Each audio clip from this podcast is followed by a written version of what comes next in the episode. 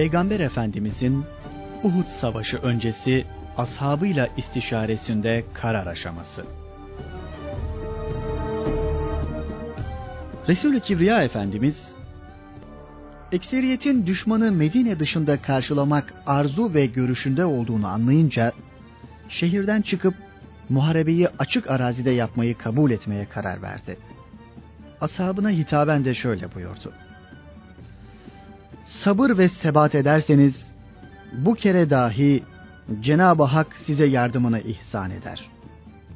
Bize düşen azm ve gayret göstermektir. Günlerden cumaydı. Resul-i Ekrem Efendimiz cuma namazını kıldıktan sonra Müslümanlara cihadın faziletinden, cihada nasıl hazırlanacağından ve cihada geri durmak, gecikmek acizliktir. Sabır ve sebat gösterildiği zaman Allah'ın yardımı gelir.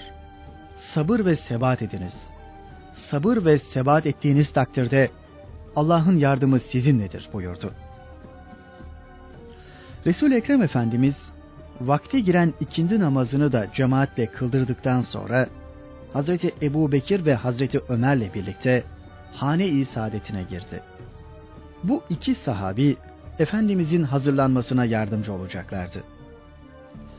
Resul-i Ekrem içeride zırhını giymek, kılıcını kuşanmakla meşgulken dışarıda toplanmış bulunan Müslümanları Sa'd bin Muaz'la Üsseyd bin Hudayr Medine'den çıkmak istemediği halde siz çıkmaları için Resulullah'a ısrar edip durdunuz. Halbuki ona emir gökten iner. Siz bu işi ona bıraktınız. Onun istediğini yaptınız diyerek ikaz ettiler. Bu sözler Medine dışında düşmanı karşılamak fikrinde olanları bir derecede olsa yumuşattı. Hatta pişmanlık bile duyar oldular. Resul-i Ekrem'in zırhını giyinmiş, kılıcını kuşanmış halde evinden çıktığını görünce, ''Ya Resulullah, senin hoşlanmadığın şeyi biz istemeyiz. Eğer Medine'de kalmak istiyorsan kalalım. Sana aykırı hareket edemeyiz.'' diye konuştular. Hazreti Resulullah'ın cevabı şu oldu. Bir peygambere zırhını giydikten sonra düşmanla çarpışmadan ve Allah onunla düşmanları arasında hükmünü vermeden zırhını sırtından çıkarmak yakışmaz. Arkasından da şöyle buyurdu. Süratle size emrettiğim şeyleri yapmaya bakınız. Allah'ın ismini anarak gidiniz. Sabır ve sebat gösteriniz. Allah size yardım edecektir. Hazırlanan Müslümanlar bin kişi civarındaydı. Sayıca Kureyş ordusunun üçte biri kadar. İçlerinde sadece yüz zırhlı vardı. Orduda üç sancak bulunuyordu. Mus'ab bin Umeyr, muhacirlerin, Üsseyid bin Hudayr, Evslilerin, Hubbab bin Münzir ise Hazreçlilerin sancağını taşıyordu. İslam ordusu harekete hazırlanmıştı. Peygamber Efendimiz atına binmiş, yayını omzuna asmış ve mızrağını eline almıştı.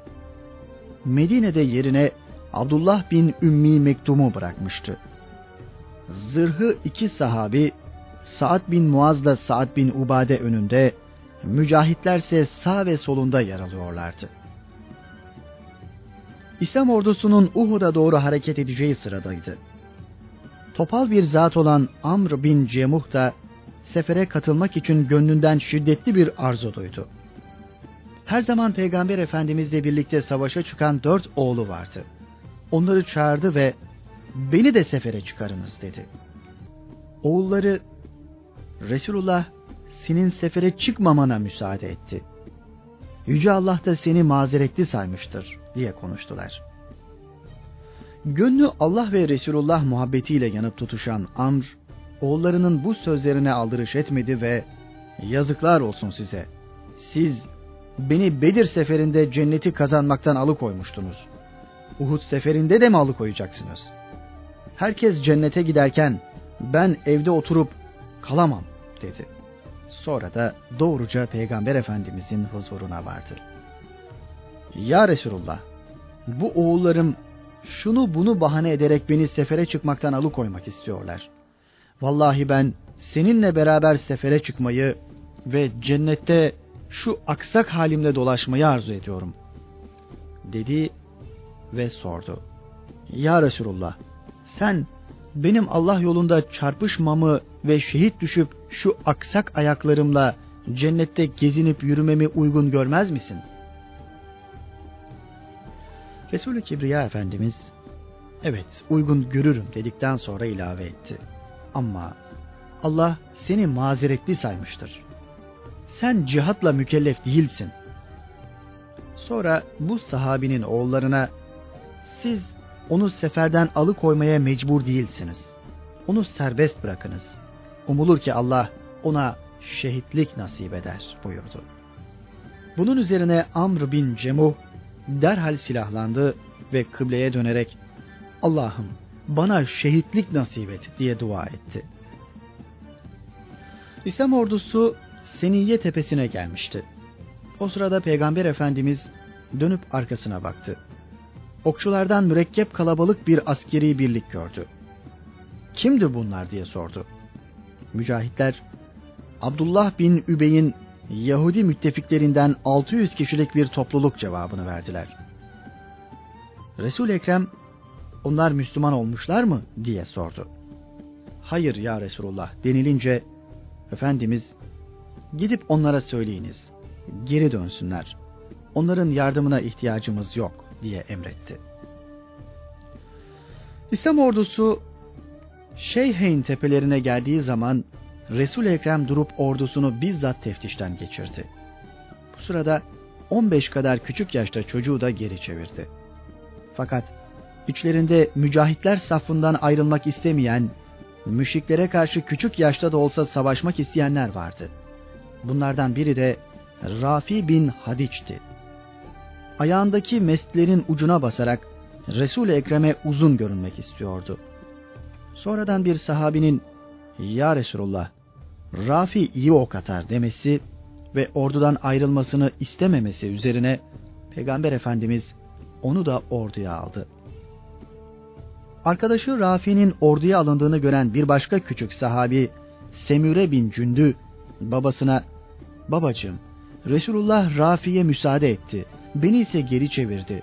Halbuki ben güreşte onu yenebilirdim." dedi. Baba Mürey bin Sinan teklifi Resul-i Ekrem'e iletti. Peygamber Efendimiz güreşmelerini istedi. Güreşte Semüre'nin Rafi'yi yıktığını görünce onun da orduya katılmasına izin verdi. Henüz 15 yaşlarında bulunan bu gencecik sahabiler işte böylesine büyük bir şevkle mücahitler safında müşriklere karşı savaşmak istiyorlardı. Peygamber Efendimizin ordusunu teftişi sona erdiği zaman güneş de o günkü vazifesini bitirip gruba doğru kaymıştı. Az sonra Bilal-i Habeşi akşam ezanını okudu. Resul Ekrem mücahitlere namazı kıldırdı. Aynı şekilde yatsı namazı da eda edildi. Peygamber Efendimiz geceyi burada geçirecekti. Muhammed bin Mesleme kumandasındaki 50 kişilik bir devriye birliğini de orduyu muhafaza altında bulundurmak ve etrafı kontrol etmekle vazifelendirdi. Resul-i Ekrem Efendimiz mücahitlere yatsı namazını kıldırdıktan sonra bu gece bizi kim bekleyecek diye sordu. Mücahitler arasından bir ses geldi. Ben ya Resulullah. Peygamber Efendimiz sen kimsin diye sordu. Aynı sesin sahibi Zekvan bin Abdi Kays'ım ben diye cevap verdi. Resul Ekrem ona sen otur diye emretti. Aradan az bir zaman geçtikten sonra Peygamber Efendimiz tekrar bu gece bizi kim bekleyecek diye sordu. Yine mücahitler arasından bir ses yükseldi. Ben ya Resulullah. Efendimiz ona sen kimsin diye sordu. Sesin sahibi ben Ebu Sebim diye cevap verdi. Peygamber Efendimiz ona da sen otur dedi. Bir müddet bekledikten sonra Peygamber Efendimiz sorusunu üçüncü sefer tekrarladı. Bu gece bizi kim bekleyecek? Yine Müslümanlar arasından bir ses yükseldi. Ben beklerim ya Resulullah. Efendimiz ona sen kimsin diye sordu. ben İbni Kays'ım diye cevap verdi. Peygamber Efendimiz ona da sen otur dedi. Aradan bir müddet geçtikten sonra resul Ekrem Efendimiz üçünüz de kalkınız buyurdu. Yalnız bir kişi ayağa kalktı. Bu Zekvan bin Abdikays'tı. resul Ekrem Efendimiz diğer arkadaşların nerede diye sorunca Zekvan ya Resulullah üç seferinde de sorunuza cevap veren bendim dedi. Bunun üzerine resul Ekrem Efendimiz ona git sen bize muhafızlık et. Allah da seni muhafaza etsin dedi.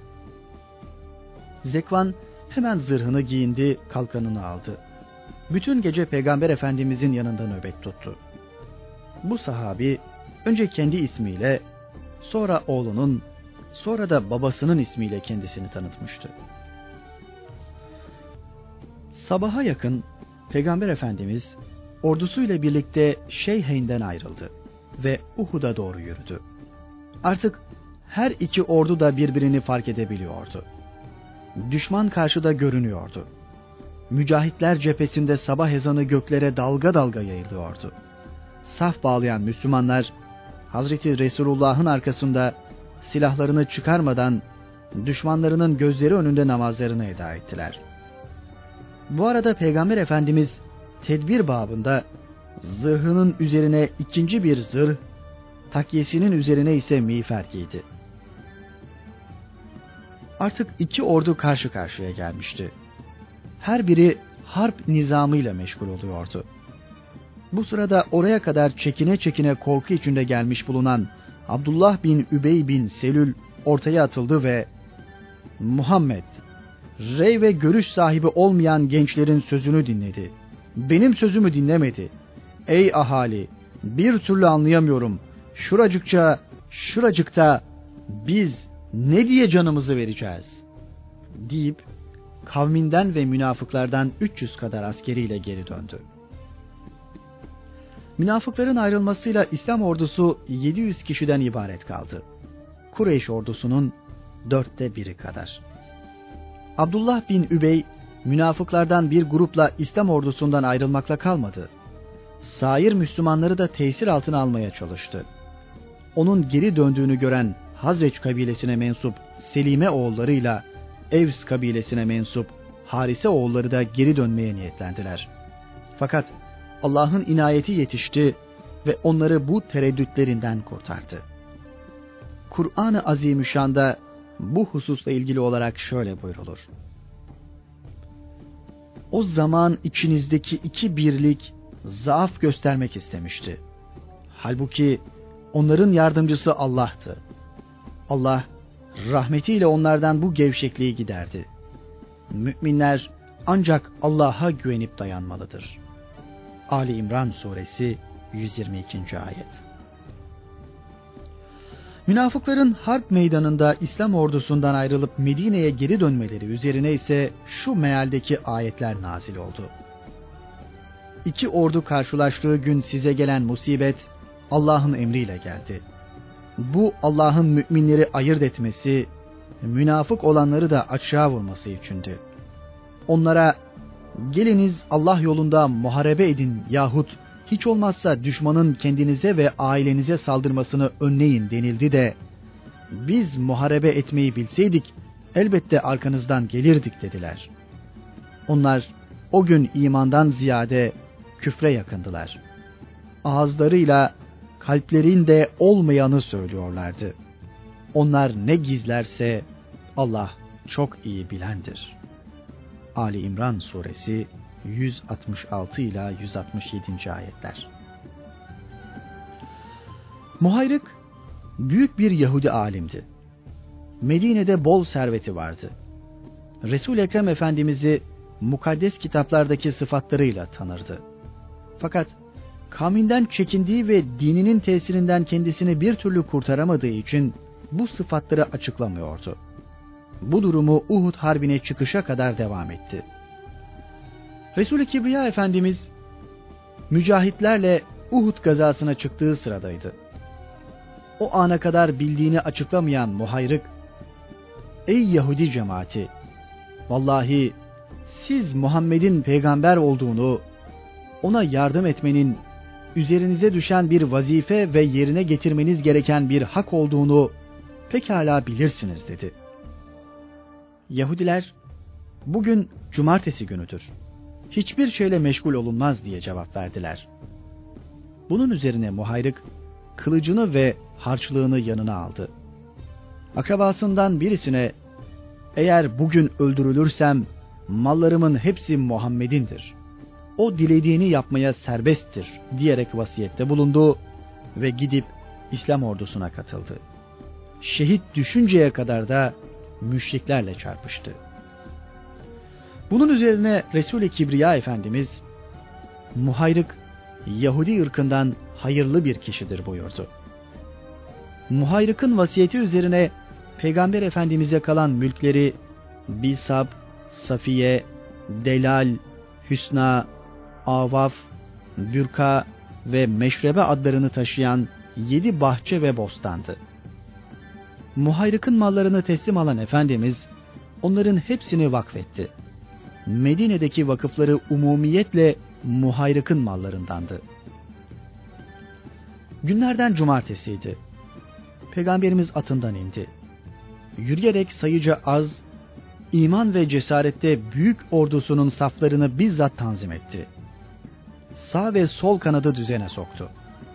İslam ordusunun arkasında Uhud dağı vardı. Yüzü ise Medine'ye doğruydu. Resul-i Kibriya Efendimiz bu arada oldukça mühim bir yer olan Ayneyn tepesine 50 muharipten teşekkül eden bir okçu müfrezesini vaziyet almak üzere vazifelendirdi. Başlarına Abdullah bin Cübeyr'i tayin etti. Vazifeleri Uhud'la Ayneyn tepesi arasındaki geçidi muhafaza etmek, düşmanın burada İslam ordusunu arkadan sarmasına fırsat vermemekti.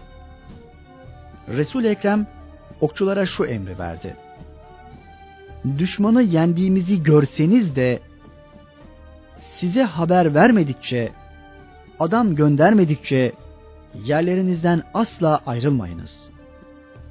Düşmanın bizi mağlup ettiğini görseniz de yine kesinlikle yerinizi terk edip yardımlarına koşalım demeyiniz. Bu emir ve talimatını iki sefer tekrarlayan Peygamber Efendimiz daha sonra okçulara kuşların cesetlerimizi kapıştıklarını görseniz dahi ben size adam göndermedikçe asla yerinizden ayrılmayınız emrini verdi. Resul-i Kibriya'nın emri ve talimatı böylesine net ve kesindi. İki ordu da artık harp nizamına girmiş ve karşılıklı bekliyorlardı. İslam ordusunda Zübeyir bin Avvam zırhlı kuvvetlerin, Hazreti Hamza ise zırhsız askerlerin başında vazifeliydi. Müşrik ordusunun sağ ve sol kumandanı Halid bin Velid, sol kol kumandanı ise Ebu Cehil'in oğlu İkrime'ydi. Süvari birliklerinin başında Safvan bin Ümeyye, okçuların başında ise Abdullah bin Ebi Rabia bulunuyordu. Müşrik ordusu cephesinde gürültü ve şamatanın bini bin paraydı.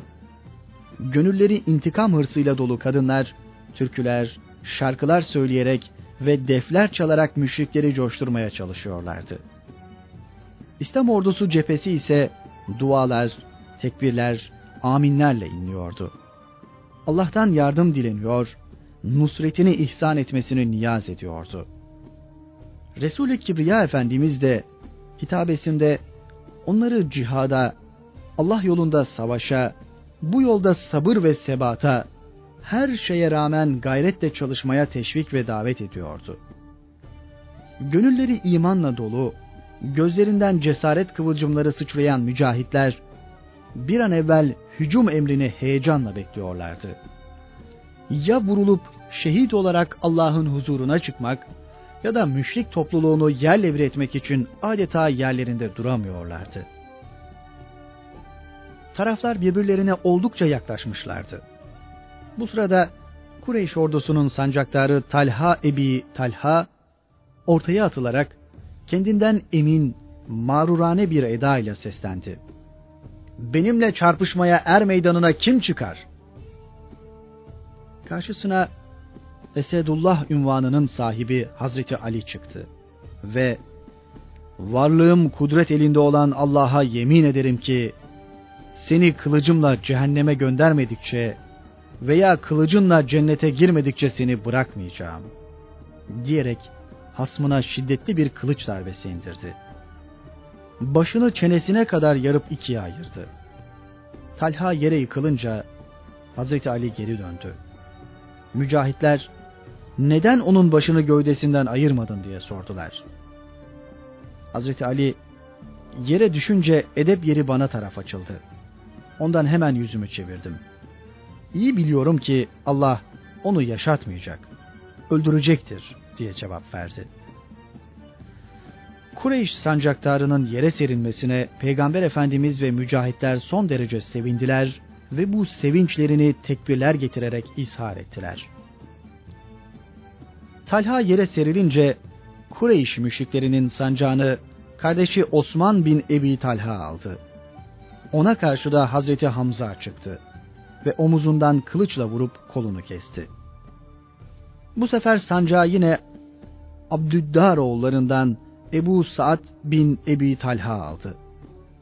Resul Ekrem Efendimiz Ebu Saad'a karşı da Hazreti Ali'yi çıkardı. Çarpışmadan galip çıkan yine Hazreti Ali oldu. Ebu Saad Esadullah'ın kılıç darbeleri karşısında can verdi.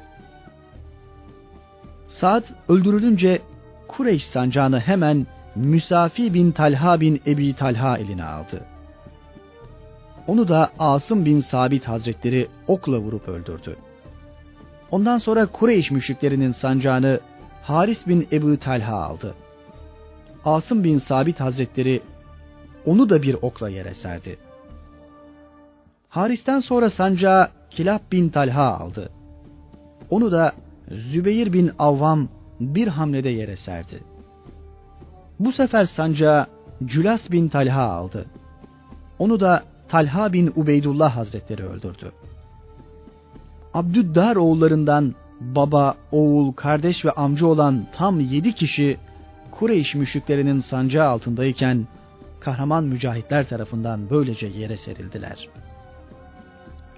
Bundan sonra sancağı yine Abdüddar oğullarından Ertat bin Şürahbil aldı. O da Hazreti Ali'nin amansız darbeleriyle yere yıkıldı. Sonra sancağı Şurah bin Kariz aldı. O da ashab-ı kiramdan biri tarafından öldürüldü. Sancaktarının bir bir yere serildiğini gören Kureyş müşriklerini bir dehşet ve korku sardı. Öyle ki sancaklarının yanına bile kimse yaklaşmaya cesaret edemiyordu. Sonunda onu Alkame kızı Amre yerden alıp Kureyşlilere teslim etti. Abdüddar oğullarından sancağı tutacak kimse bulunmadığından yine onların kölelerinden Suvap sancağı taşıdı. Kuzman vurup onun sağ elini kesti. Suvap sancağı sol eline aldı. Kuzman sol elini de kesti. Bunun üzerine Suvap sancağı kol ve pazularıyla tutmaya çalıştı fakat daha fazla dayanamayıp arka üstü yere yıkıldı. Artık iki tarafın da beklemeye tahammülü kalmamıştı. Çarpışma bir anda şimşek hızıyla başladı. Kılıç şakırtısı, ok vınlaması, at kişnemesi ve deve böğürmesi ortalığı kapladı. Allah yolunda savaşmaya can atan mücahitler kahramanca dövüşmeye başladılar. resul Ekrem'in elinde bir kılıç vardı. Üzerinde korkaklıkta ar, ilerlemekte şeref ve itibar var. İnsan korkaklıkla kaderden kurtulamaz mealindeki beyit yazılıydı. Bu kılıcı benden kim alır diye sordu. Birçok sahabi birden atıldı. Ben, ben ya Resulullah diyerek ellerini uzattılar. Bu sefer peygamberimiz bunu hakkını vermek üzere kim alır diye sordu. Yine hararetle isteyenler çıktı. Aralarında Hazreti Ebu Bekir, Hazreti Ömer ve Hazreti Zübeyir bin Avvam da vardı. Hazreti Resulullah vermek istemedi. Bu sırada korkusuz, gözünü daldan budaktan sakınmayan biri ortaya atıldı. Ebu Dücane'ydi bu. Hazreti Resulullah'a nedir onun hakkı ya Resulullah diye sordu. Resul Ekrem hakkı eğilip bükülünceye kadar onu düşmana sallamandır buyurdu. Bunun üzerine Ebu Dücane, Ya Resulullah, ben onu hakkını yerine getirmek üzere alıyorum dedi. Ve Hazreti Resulullah'tan kılıcı teslim aldı. Ebu Dücane, elinde Resul-i Ekrem'in şartlı teslim ettiği kılıcı, başında ise kırmızı sarığı olduğu halde müşriklere doğru çalımlı çalımlı yürümeye başladı. Bunun üzerine Fahri Alem Efendimiz ashabına şu ölçüyü ders verdi. Bu öyle bir yürüyüştür ki Allah onu şu yerin harp halinin dışında hiçbir zaman sevmez. Ebu Ducane şimşek süratinde düşman safları arasına girdi. Kılıcını var kuvvetiyle hakkını vermek için sallamaya başladı. Önüne geleni bir iki darbede yere seriyor, durmadan ilerliyordu. Bir ara dağın eteğinde deflerle müşrikleri savaşa teşvik eden kadınların yanına kadar vardığını fark etti.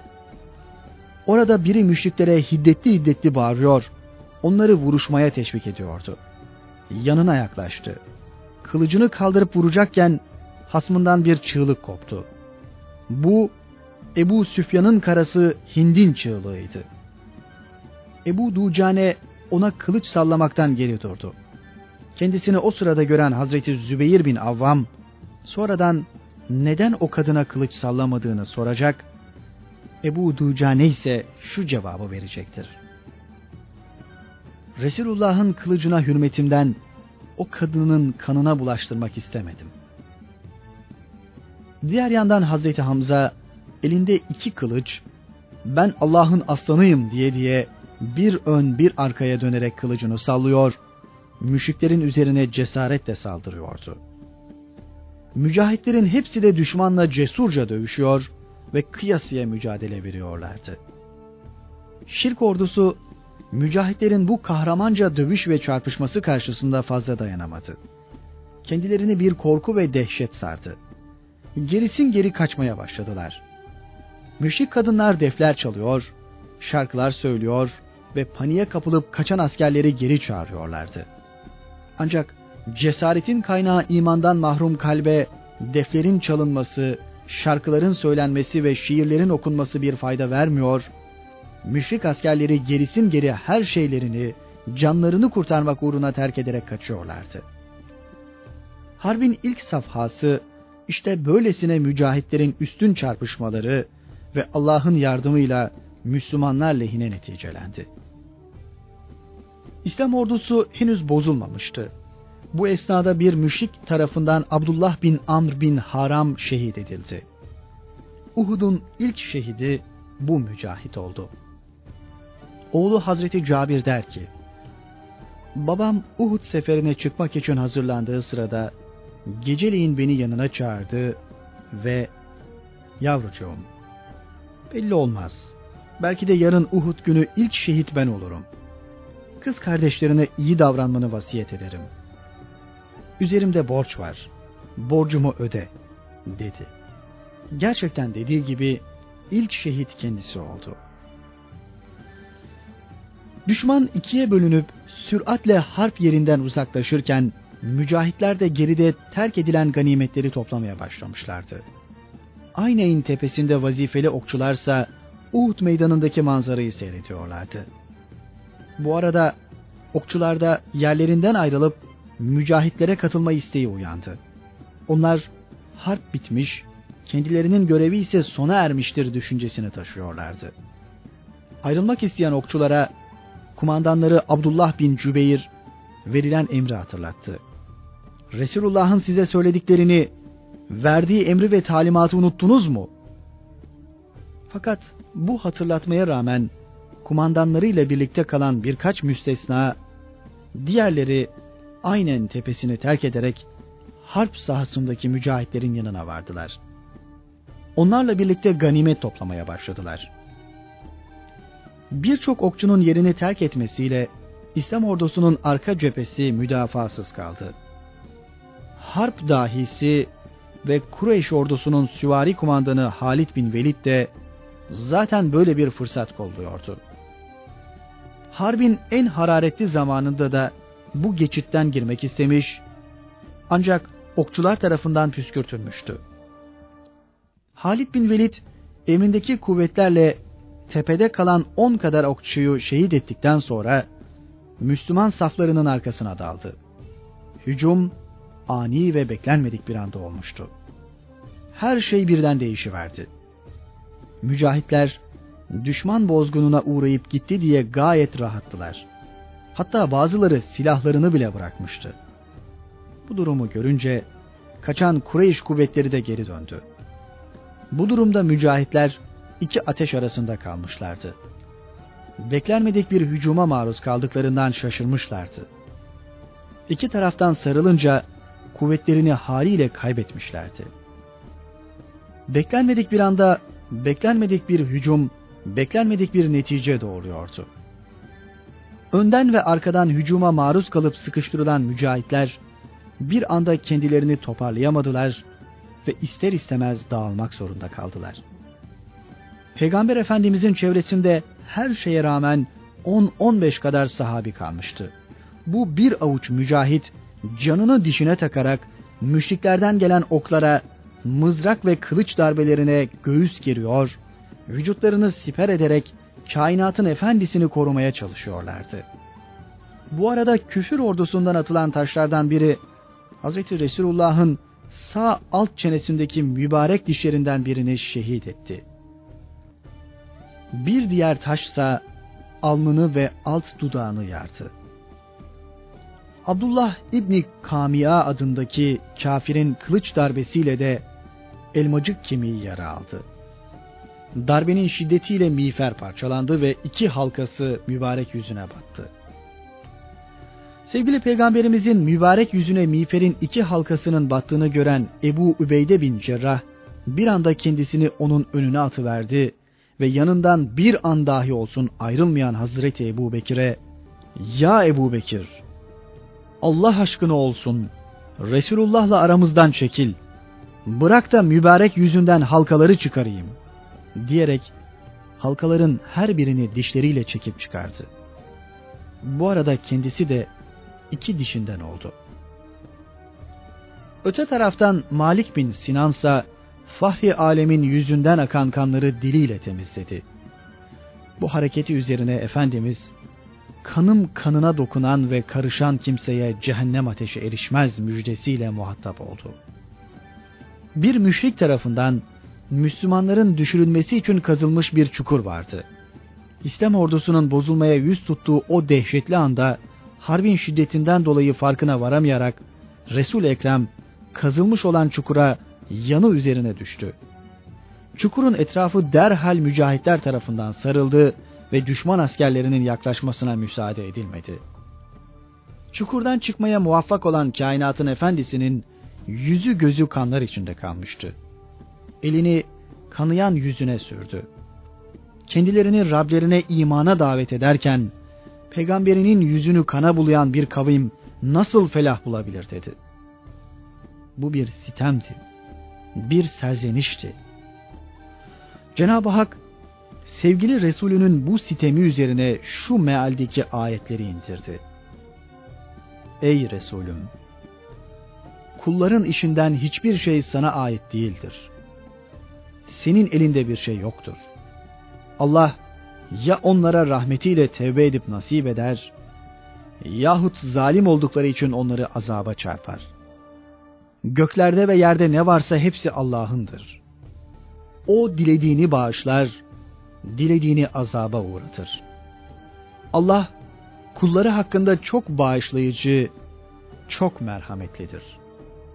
Ali İmran suresi 128 ila 129. ayetler. Çok az sayıda Müslümanın müşriklere karşı direndiği sıradaydı. Peygamber Efendimiz bir grup müşrikin kendisine doğru gelmekte olduğunu fark etti. Yanından ayrılmayıp kahramanca çarpışan Hazreti Ali'ye hücum et onlara diye emretti. Allah'ın arslanı Hazreti Ali cesaretle müşrik birliğinin üzerine yürüdü. Onları püskürtüp içlerinden birini de yere serdi. Bu esnada Cebrail aleyhisselam Ya Resulullah bu sizin için yapılan iyilik ve civan mertliktir diye seslendi. Peygamber Efendimiz cevaben o bendendir, ben de ondanım buyurdu. Tam o esnada bir ses işittiler. Zülfikar gibi kılıç, Ali gibi yiğit bulunmaz. Mücahitlerin Resul Ekrem Efendimiz etrafından dağıldıkları esnada Hazreti Saad bin Ebi Vakkas da bir köşeye çekilmiş, kararsız duruyordu. Kendi kendine içimden ne şehitlik arzusunu ne de kurtulma arzusunu atabiliyorum diyordu. O sırada mücahitin biri ona ya Saad Resulullah seni çağırıyor dedi. Hazreti Saad derhal Hazreti Resulullah'ın yanına vardı. Sonrasını Hazreti Saad şöyle anlatır. Resulullah beni önüne oturttu. Ok atmaya başladım. Her atışta Allah'ım bu senin okundur. Onunla düşmanını vur diyordum. Resulullah da Allah'ım Saad'ın duasını kabul et. Allah'ım Saad'ın atışını, okunu doğrult. Devam, devam Saad. Babam, annem sana feda olsun buyuruyordu. Her ok atışında Resulullah aynı duayı tekrarlıyordu. Ok çantam boşalınca Resulullah kendi çantasında bulunan okları da birer birer yayıma yerleştirip attırdı. Okları yaya yerleştirmekte o herkesten daha çabuk ve süratliydi. Hazreti Ali der ki, Resulullah anne ve babasını saattan başka hiç kimse hakkında birleştirerek feda olsun dememiştir. Uhud günü ona annem babam sana feda olsun at ey kısa boylu kuvvetli delikanlı buyurdu. Nebi'nin ondan başkasına böyle söylediğini bilmiyorum. Harbin en nazik ve dehşetli anıydı. Müslümanlar önden ve arkadan hücuma geçen müşrik kuvvetlerinden kendilerini kurtarmak için tepelere doğru çıkıyorlardı. Hz. Resulullah'ın etrafında kala kala 15 kadar mücahit kalmıştı. Bunlar Peygamber Efendimizle birlikte sabır ve sebat göstererek müşriklere karşı kahramanca savaşıyorlardı. Bunlardan birinde de Hazreti Talha bin Ubeydullah vardı. Müşriklerin Resulullah'ın dört tarafını sardıkları sırada Hazreti Talha sağa sola dönerek kılıcıyla onları uzaklaştırmaya çalışıyordu. Bir ara müşriklerin keskin nişancı okçularından Malik bin Zübeyir Efendimiz'e nişan alıp bir ok attı. Hazreti Talha bu okun kainatın efendisine isabet edeceğini anlayınca buna mani olmak için elini oka hedef tuttu. Son süratle gelen ok parmağını delip elini çolak yaptı. Peygamber Efendimiz yeryüzünde gezen cennetlik bir kimseye bakmak isteyen Talha bin Ubeydullah'a baksın buyurdu. Hazreti Resulullah'ı korumak uğrunda müşriklerden gelen kılıç darbelerine ve oklara vücudunu siper eden Hazreti Talha'nın baş ve gövde damarlarından biri kesildi. Gövdesi yaralar içinde kaldı. Fazla kan kaybından bayılıp yere düştü. O sırada Hazreti Ebu Bekir peygamberimizin yanına geldi. Resul Ekrem ona amcanın oğluyla ilgilen dedi. Hazreti Ebu Bekir yüzüne su serpince Hazreti Talha kendine geldi. Yaralarının acısı sızısı umrunda değildi. Şahsını düşünmüyordu. Uğrunda bunca fedakarlığa katlandığı zatın durumunu merak ediyordu. Başucunda duran Hazreti Ebu Bekir'e Resulullah ne yapıyor diye sordu. Hazreti Ebu Bekir iyidir beni sana o gönderdi diye cevap verince bu kahraman ve fedakar sahabi Allah'a şükürler olsun. Resulullah sağ olduktan sonra her musibet bizim için hiçtir diye konuştu. İlahi kelimetullah uğruna gösterdiği bunca kahramanlık ve fedakarlıktan dolayı Hz. Resulullah tarafından bu harpte hayırlı Talha, Talha Tül Hayr olarak adlandırılan Hazreti Talha'nın Uhud'dan döndüğü zaman vücudunda tam 75 yarası vardı. Başı dört köşeli yarılmış, uyluk damarı baştan aşağı kesilmişti. Eli ise çolak olmuştu.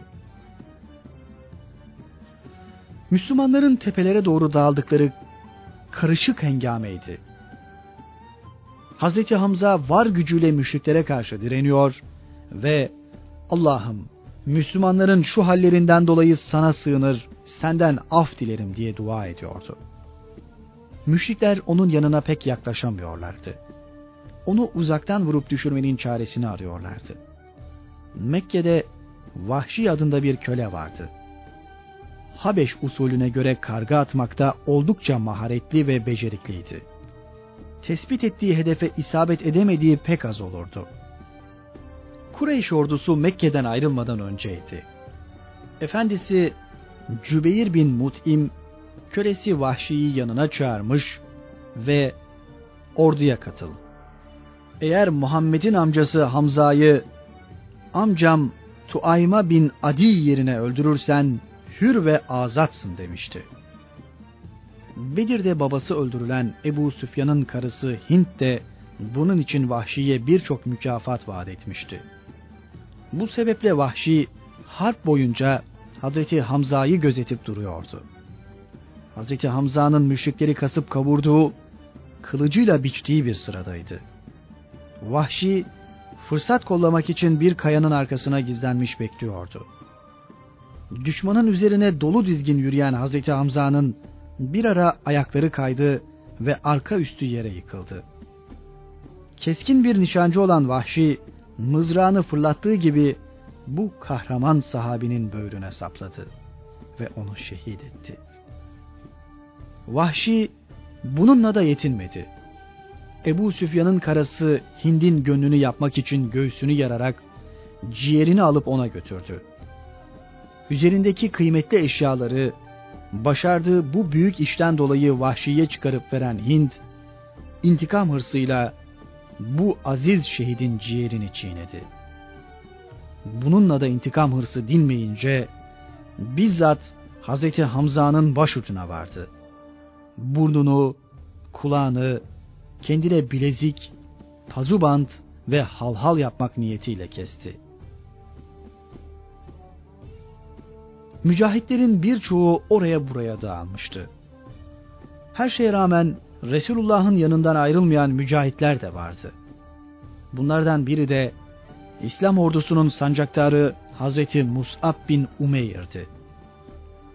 İbn Kamiya denilen kafir bir ara atlı olduğu halde resul Ekrem Efendimiz'e yaklaştı. Gösteriniz bana Muhammed'i. O kurtulursa ben kurtulmayayım diyerek haykırıyordu. Hazreti Mus'ab mücahitlerden birkaç kişi ve Nesibe Hatun'la İbni Kamiya'ya karşı çıktı. Bu kafir Hazreti Resulullah'ı korumaya çalışan Hazreti Nesibe'nin omuzuna bir kılıç darbesi indirdi. Nesibe Hatun da cesurca ona birkaç darbe indirdi. Fakat bu müşrikin üzerinde iki kat zırh bulunduğundan darbeler pek tesir etmedi. İbn Kamiya önüne çıkan Hazreti Mus'ab'ın sağ elini bir kılıç darbesiyle kesti. Hazreti Mus'ab İslam'ın izzet ve şerefini sembolize eden sancağı sol eline aldı. İbn Kamiya bir kılıç darbesiyle sol elini de kesti. Bu sefer Hazreti Mus'ab sancağı kollarıyla tutup göğsüne bastırdı. O anda tek gayesi bu zındığın Resulullah'a ulaşmasına mani olmak ve İslam sancağını yere düşmekten korumaktı. İbn Kamiya bu sefer mızrağıyla vücudunu deldi. Hazreti Mus'ab artık dayanamayıp yere yıkıldı. Böylece o da şehadet şerbetini içenler arasına katıldı. Sancak da yere düştü. Hazreti Mus'ab şehit düşünce Peygamber Efendimiz sancağı Hazreti Ali'ye verdi. Hazreti Ali çarpışmaya gidince de sancağı sonuna kadar Ebu Rum taşıdı. Mus'ab bin Umeyr Hazretleri zırhını giydiği zaman Resul-i Kibriya Efendimiz'e pek benzerdi. İbni Kamiya da Hazreti Mus'ab'ı şehit etmekle Peygamber Efendimiz'i öldürdüğünü zannetmişti. Derhal müşriklerin yanına vararak Muhammed'i öldürdüm dedi. Bunu diyen müşrikler sevinç çığlıkları attılar. Onlardan birisi de dağ başına çıkarak Muhammed öldürüldü diye yaygarayı bastı. Bu dehşetli yaygarayı duyan mücahitlerin birden kolu kanadı kırılıverdi. İslam ordusunda umumi bir geri çekilme ve panik havası başladı. Her biri başka başka istikametlerden harp sahasını terk ediyordu. Bu dehşetli hengamede farkına varmadan düşman askeri diye din kardeşlerine kılıç sallamaya kalkanlar bile oluyordu. Hatta bu karışıklık esnasında Huzayl bin Cabir bir başka sahabi tarafından yanlışlıkla şehit edildi. Müşriklerin kopardığı yaygaraya inanmak istemeyen mücahitler Hz. Resulullah'ı aramaya koyuldular. Bunlardan Hz. Ali hem önüne gelen düşman askerlerine kılıç sallıyor hem de etrafa göz gezdirerek peygamberimizi arıyordu. Harp sahasında bulunan mücahitlerin o anda en büyük ve tek arzusu artık Resul-i Kibriya Efendimiz'i bulmak olmuştu. Bu esnada yürekleri ferahlatıcı bir ses yükseldi. Ey Müslüman müjde size işte Resulullah. Bu sesin sahibi Kaab bin Malik'ti. resul Ekrem Efendimiz'i Şib mevkiinde miğferinin altında pırıl pırıl parlayan mübarek gözlerinden tanımıştı. Müslümanlara seslenirken eliyle de resul Ekrem'in bulunduğu yeri gösteriyordu. Peygamber Efendimiz düşman tarafından nerede olduğunun bilinmesini istemiyordu. Müslümanlara müjdeyi veren Kaba eliyle sus diye işaret etti. Artık Hazreti Resulullah'ın yeri tespit edilmiş ve etrafa yayılan haberin bir şayiadan ibaret olduğu anlaşılmıştı. Mücahitler derhal Resul-i Ekrem'in bulunduğu yere doğru koştular ve kendisini emniyet çemberi içine aldılar. O anda mücahitlerin bir tek gayesi vardı. Hz. Resulullah'ın vücudunu muhafaza etmek ve bunu başardılar. Ümmü Umare Nesibe binti Kab kocası ve iki oğluyla birlikte İslam ordusuna katılıp Uhud'a gelmiş, kocasıyla oğulları müşriklerle çarpışarak kendisi de yaralanan Müslümanlara yardım edip su yetiştirecekti. Ancak harbin ikinci safhasında Müslümanlar bozulmaya başlayıp Resulullah'ın etrafında çok az sayıda mücahidin kaldığını gören Nesibe Hatun, derhal Resulü Kibriya Efendimizin yanına vardı ve çarpışmaya koyuldu. Kılıçla, okla Resulü Zişan Efendimiz'i müşriklerden korumaya çalıştı. Bu sırada yaralandı. Peygamber Efendimiz sağına soluna baktıkça hep Nesibe Hatun'un müşriklere karşı koyduğunu görüyordu. Şöyle buyurdu. Ey Ümmü Umare! Senin katlandığın, dayanabildiğin şeye herkes dayanamaz ve katlanamaz. Peygamber Efendimiz Nesibe Hatun'un omuzlarından aldığı yarayı görünce oğlu Abdullah'a annenin yarasını sar dedi. Sonra da şöyle buyurdu. Ev halkınıza Allah mübarek kılsın. Senin annenin makamı filanca ve filancaların makamından hayırlıdır. Babanın makamı da filan ve filancaların makamından hayırlıdır. Senin makamında filan ve filanların makamından hayırlıdır. Allah sizin ev halkınıza rahmet etsin. O esnada imanın verdiği cesaretle müşriklere karşı cesurca kılıç sallayan Nesibe Hatun da Ya Resulullah Allah'a dua et de cennette sana komşu olayım dedi. Resul-i Kibriya Efendimiz Allah'ım bunları cennette bana komşu ve arkadaş et diye dua etti. Bunun üzerine Nesibe Hatun sevinç içinde bana artık dünyada ne musibet gelirse gelsin gam çekmem bu bana yeter diyerek Allah ve Resulullah'a karşı olan muhabbet ve bağlılığını ortaya koydu. Müslümanlar safında mertçe çarpışıp cesaretle düşmanın üzerine hücum eden biri vardı. Hatta Müslümanlar arasından müşriklere ilk ok yağdıran da o olmuştu. Gariptir ki Kuzman adındaki bu adamın ismi her ne zaman zikredilirse Efendimiz o cehennemliktir derdi. Sahabiler bunun sırrını bir türlü çözemiyorlardı. Kuzman, harbin en şiddetli anında büyük kahramanlıklar gösterdi. Hatta İslam ordusu bozulup dağılacağı sırada kılıcının kınını kırdı ve ölmek kaçmaktan daha hayırlıdır. Ey Evs hanedanı, siz de benim gibi şeref ve şan içinde çarpışınız diye seslenerek müşriklerin arasına daldı. Yedisini sekizini öldürdükten sonra kendisi de muharebe meydanında yaralanıp kan revan içinde kaldı. Sahabiler hala Efendimizin o cehennemliktir sözünün manasını anlamış değillerdi. Bunca kahramanlık ve cesareti Müslümanlar safında gösteren Kuzman nasıl cehennemlik olabilirdi? Ancak Hazreti Resulullah Kuzma'nın gerçek yüzünü Cenab-ı Hakk'ın bildirmesiyle biliyordu. Ağır yaralarının sızısıyla kıvranan Kuzman'ı sahabiler tebrikler ey Kuzman cenneti müjdeleriz sana diyerek tebrik ettiler. Kuzmansa verdiği cevapla gerçek mahiyetini ortaya koydu. Ne diye beni tebrik ve tebşir ediyorsunuz? Benim maksadım şehadete ermek değildir. Dinin muhafazası hususu dahi asla hatırımdan geçmemiştir. Ben kavmimin gayreti için ve Kureyşliler Medine hurmalıklarına zarar vermesin diye çarpıştım. Yaralarının ağrısı şiddetlenip yaşayacağından ümidini kesince de bir ok alıp kolunun damarını keserek intihar etti. Sahabiler bundan sonra Resul-i Kibriya Efendimizin sözünün hakikatini anladılar. Kuzman'ın bunca kahramanlığı ve fedakarlığı Allah yolunda Allah için değil de kavminin ve kabilesinin şan ve şerefiyle Medine'deki hurmalıklarını korumak uğruna gösterdiğini öğrendiler. Kuzma'nın kendi kendini öldürdüğü haberini alan Resul-i Kibriya Efendimiz Allahu Ekber Allahu Ekber ben Allah'ın Resulü olduğuma şüphesiz şehadet ederim dedi. Sonra da şüphe yok ki Allah isterse bu dini faci bir adamla da teyit eder diye buyurdu. Amellerin makbuliyet ölçüsü ihlas ve samimiyettir. Yani amelin Allah'ın rızası gözetilerek yapılmış olmasıdır. İhlasla söylenmeyen bir sözün, yapılmayan bir hareketin, gösterilmeyen bir kahramanlığın Allah katında hiçbir kıymeti ve değeri yoktur. İşte bunun apaçık bir misali Kuzman hadisesidir. Çok az sayıda mücahidin yağmur gibi yağan müşrik oklarına karşı kendisini korumaya çalışırken Resul-i Kibriya Efendimizin mübarek dudaklarındansa şu cümleler dökülüyordu.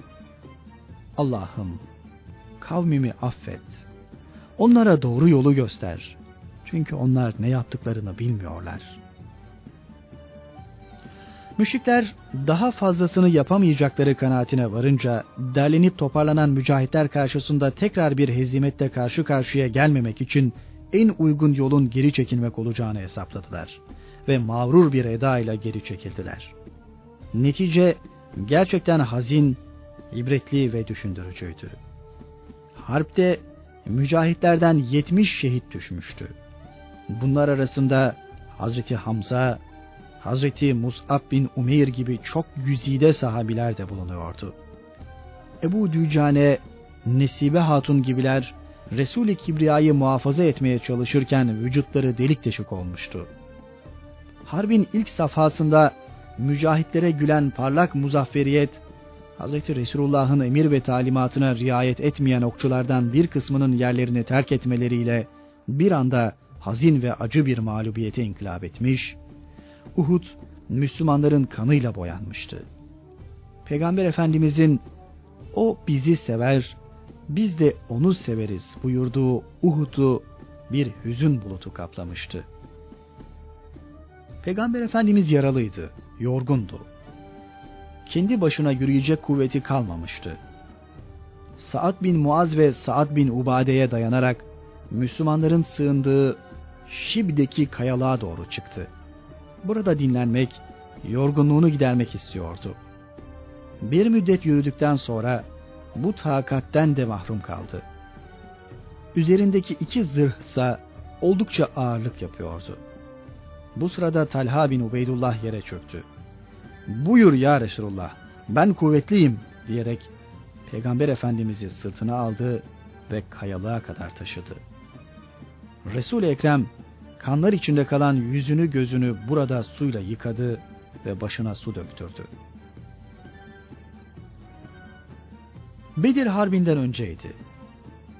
Resul-i Kibriya Efendimiz harp sahasında dolaşırken burası Ebu Cehil'in, burası Utbe'nin, burası Ümeyye'nin, buralarda filan ve filanın öldürülecekleri yerlerdir. Übey bin Halefi de ben kendi elimle öldüreceğim buyurmuştu. Bedir'de haber verdiği gibi Ebu Cehil, Utbe ve Ümeyye bin Halef mücahitler tarafından gösterilen aynı yerlerde öldürülmüşlerdi. Geriye Übey bin Halef kalmıştı. Bu adam Kureyş'in ileri gelenlerinden biriydi. Peygamberimize her karşılaşmasında ''Ey Muhammed bir atım var, her gün ona 16 ölçek darı yedirip besliyorum. Bir gün gelir, onun sırtında olduğum halde seni öldürürüm.'' derdi. Peygamber Efendimiz ise bu azgın ve şaşkın adama cevabı sadece şu oluyordu. Belki inşallah ben seni öldürürüm. İşte Übey bin Halef, Bedir'de mücahitler tarafından canı cehenneme yollanan kardeşi Ümeyye'nin intikamını almak ve Peygamber Efendimizin vücudunu ortadan kaldırmak üzere yemin ederek Uhud'a çıkıp gelmişti. Hz. Resulullah'ın şibe doğru çıktığı sıradaydı. Übey'in gelmekte olduğu görüldü. Mekke'de günde 16 okka darıyla beslediği atının üzerindeydi. İntikam dolu bakışlarla peygamberimize yaklaşıyordu. Bunu fark eden sahabiler önüne çıkıp hesabını görmek istediler. Ancak Hazreti Resulullah bırakın gelsin diyerek mücahitlerin karşı çıkmasına mani oldu. Resul-i Ekrem'e oldukça yaklaşan bu azgın müşrikin ağzından Ey Muhammed! Sen kurtulursan ben kurtulmayayım lafları dökülüyordu. Bu sözleri duyan Resul-i Kibriya Efendimiz bir anda celallendi, elindeki mızrağıyla heybet ve haşyet verici adımlarla hasmının üzerine yürüdü. Üvey bir anda şaşkına döndü. Hazreti Resulullah'ın heybet ve haşyet verici tavrı karşısında duramayıp geri kaçmaya başladı. Peygamber Efendimiz peşini bırakmıyor ve arkasından nereye kaçıyorsun ey yalancı diye sesleniyordu. Bu kaçışla Übey kendini kurtaramadı. Peygamber Efendimizin fırlattığı mızrak miğferle zırhı arasındaki kısma saplandı ve Ubey sığır böğürmesi gibi böğürerek atından yere yuvarlandı. Müşrikler yaralı halde onu alıp götürdüler. Yarasından kan akmıyordu. Ağrısına sızısına zor dayanıyordu. Zaman zaman arkadaşlarına vallahi Muhammed beni öldürdü diyordu. Arkadaşları bu sözünü ciddiye almıyorlar ve yarasının önemsiz olduğunu ifade ederek teselli etmeye çalışıyorlardı. Ne var ki Übey kurtulamayacağını anlamıştı. Arkadaşlarına o bana Mekke'de seni öldüreceğim demişti. Vallahi o benim üzerime tükürse yine beni öldürür dedi. Übey bin Halef bir gün bile yaşamadan susadım, susadım çığlıkları arasında ölüp gitti. Resul-i Kibriya'nın Allah'ın izniyle istikbalden haber verdiği bir mucizesi de böylece tahakkuk etmiş oldu.''